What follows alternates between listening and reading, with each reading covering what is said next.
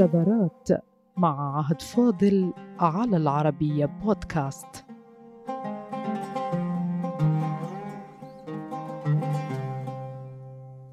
شاعر حمل أكبر الألقاب وتغرب أقصى الغربة وسقط في يد الدهر. إنما هل خطر بباله أن شعره سيكون على باب ملك؟ هو أحد أشهر ملوك العرب. في العصر الحديث وفي الجهة المقابلة هل كان المال الذي سلب منه ولم يقوى على استعادته قد عوض بأضعافه المضاعفة؟ عندما وبعد قرون أمر ملك البلاد بكتابة أبيات من شعره فوق باب قصره. والأمر كذلك أعزاءنا فقد أعطي مجدا ما أعطي إلا لكبار في الأندلس. عندما كان شعرهم على جدران القصور أما شاعرنا ففي قلب جزيرة العرب. أعطي المجد الذي عوض ماله المسلوب ليرفع قدره على الناس كافة.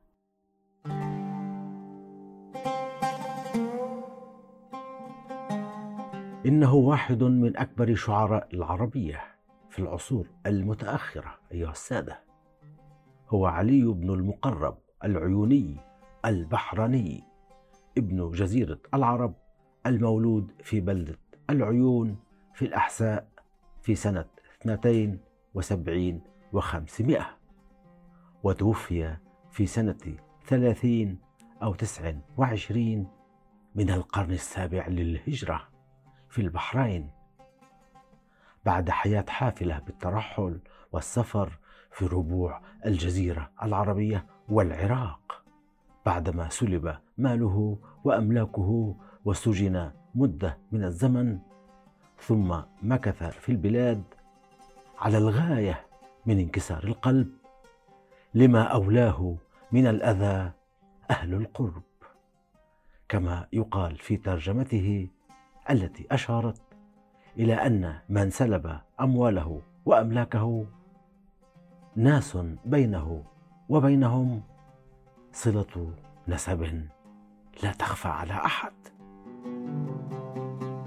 ابن المقرب أيها السادة بعدما سلب ماله ترك الأحساء ودخل العراق. بعد شباب شخصي وشعري تنقل فيه في قلب الجزيرة العربية. فعرف شعره في العراق وأقر له هناك بعلو كعبه. فموهبة الرجل كانت أكبر من أن تتوق لإقرار أو اعتراف من أي أحد خاصة في عصر الشاعر الذي كانت فيه العربية تعاني أشد المعاناة أيها السادة. إلا أن ابن المقرب آثر الرجوع مرة أخرى إلى الأحساء على أمل قيام من أخذ ماله بإعادته إليه وخاب مسعاه مرة أخرى ليعود مجددا إلى أرض العراق بعد فترة قضاها في ربوع قلب الجزيرة العربية التي استمد منها أحد ألقابه وهو شاعر الجزيرة العربية.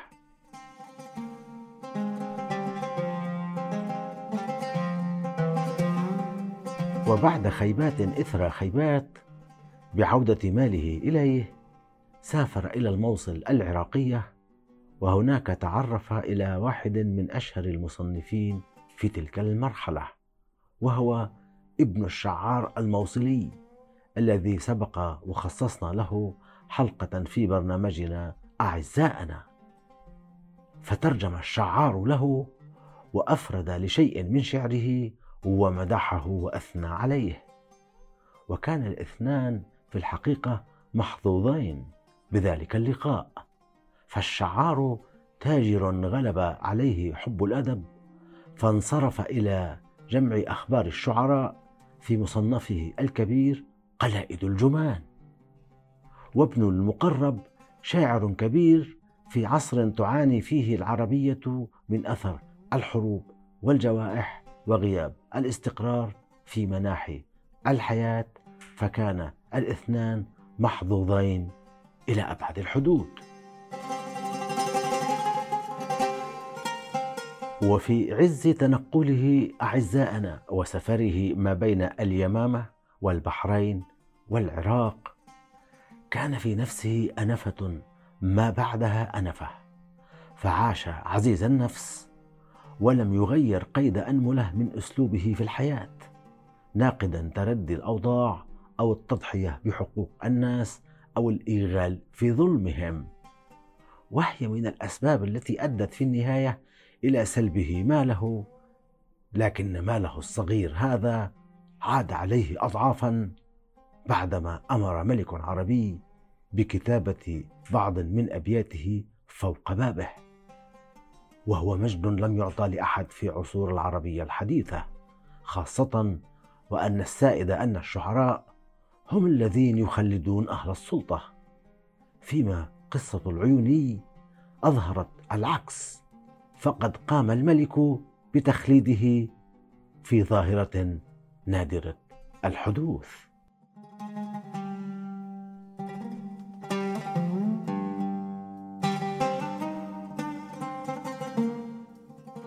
فمن هو الملك العربي الذي منح هذا المجد لابن المقرب؟ وماذا في شعره حتى أمر الملك بكتابة شعره فوق باب قصره؟ فمع أنه لم يسمه بالاسم بل ذكر لنا الأبيات الشعرية وحسب. قال المفكر والأديب والرحالة والمؤرخ اللبناني أمين الريحاني في كتابه الشهير ملوك العرب. إن الملك عبد العزيز آل سعود أمر بكتابة هذين البيتين فوق بابه وهما فإما حياة لا تذم حميدة يحدث عنها من أغار وأنجد تنال المنى فيها وإما منية تريح فؤادا اجى من غلة الصدى.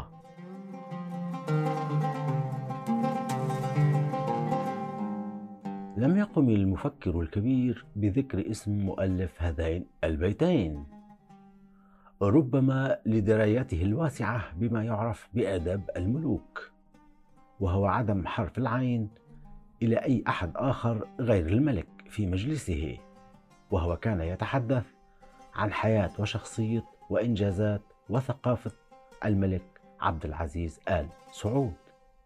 فربما تأدب بآداب الملوك فرفض ذكر اسم الشاعر بل اكتفى بنقل البيتين الرائعين كما هما.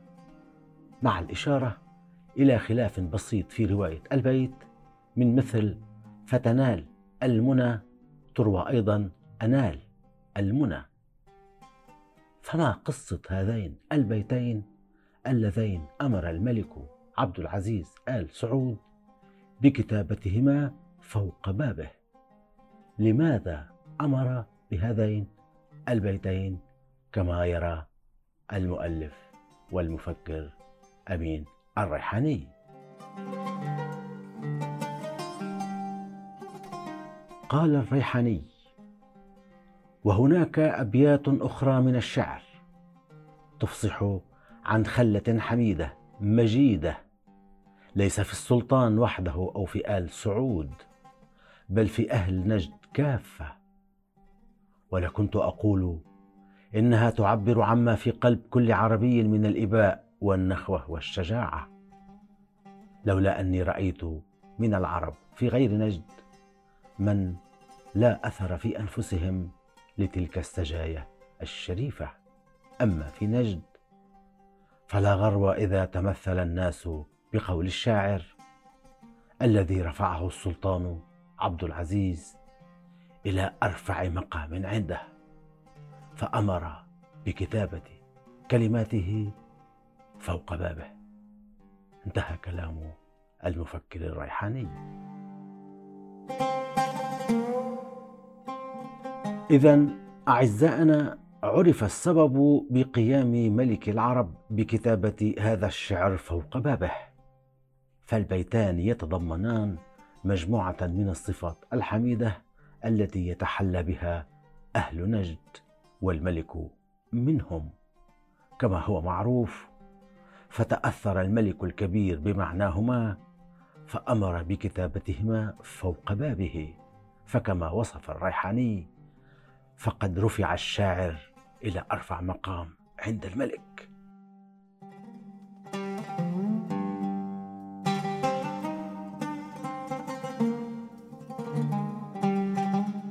في قصة الشاعر الفحل ابن المقرب العيوني مزيج من مصادفات هي فعلا خير من ألف ميعاد. فهو قام بسفر مكوكي من البحرين إلى العراق إلى اليمامة ثم العودة إلى العراق والبحرين ثم قلب الجزيرة العربية وهكذا حتى كرم بعد قرون بهذا التكريم الذي أعاد إليه ما هو أكبر من ماله بكثير وهو كان سيعتبره كذلك. فقد كان عزيز النفس كبيرا في روحه وعقله كما قال عنه المصنفون في ترجماتهم له.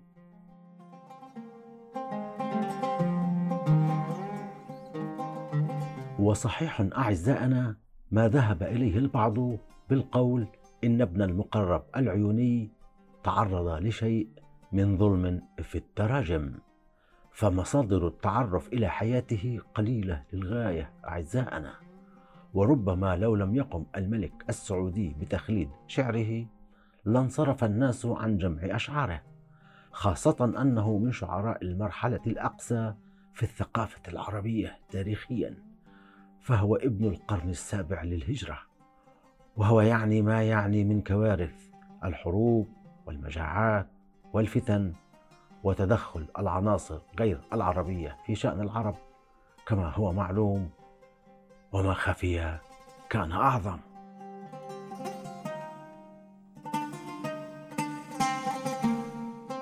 وسنقرأ من شعر العيوني الذي يلقب أيضا بشاعر الخليج العربي ولذات السبب الذي لقب فيه بشاعر الجزيرة العربية. من ديوانه الذي صدر أكثر من مرة وحقق أكثر من مرة وأجريت دراسات عديدة على شعره لإظهار حجم التقارب بينه وشعر أبي الطيب المتنبي بحسب كتاب الدكتور سامي جاسم المناعي الذي أصدر كتابا عن العيوني كشف فيه نقاط التقارب بين شعر العيوني وشعر المتنبي.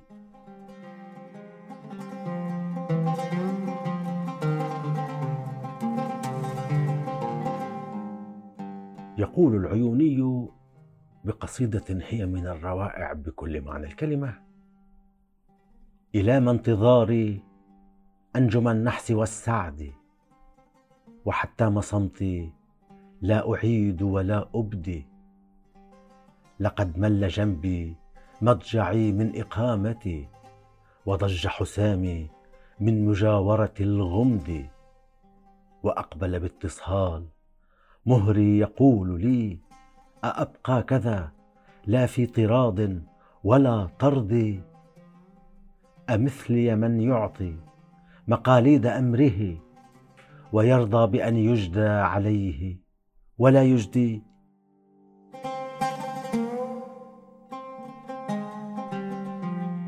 ويقول في ذات القصيدة العظيمة يظن نحولي ذو السفاهة والغبا غراما بهند واشتياقا إلى دعدي ولم يدر أني ماجد شف جسمه لقاء هموم خيلها أبدا تردي. قليل الكرى ماض على الهول مقدم على الليل والبيداء والحر والبرد.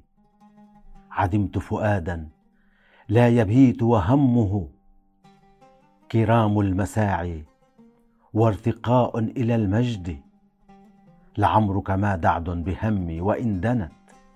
ولا لي بهند من غرام ولا وجدي ولكن وجدي بالعلا وصبابتي بعارفة أزدي ومكرمة أجدي.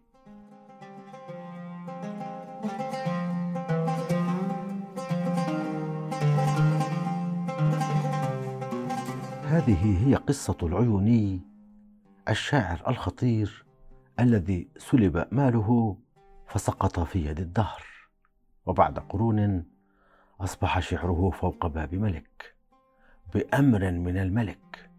كتب الشعر فخلده وعظمه أبد الدهر. والسلام عليكم.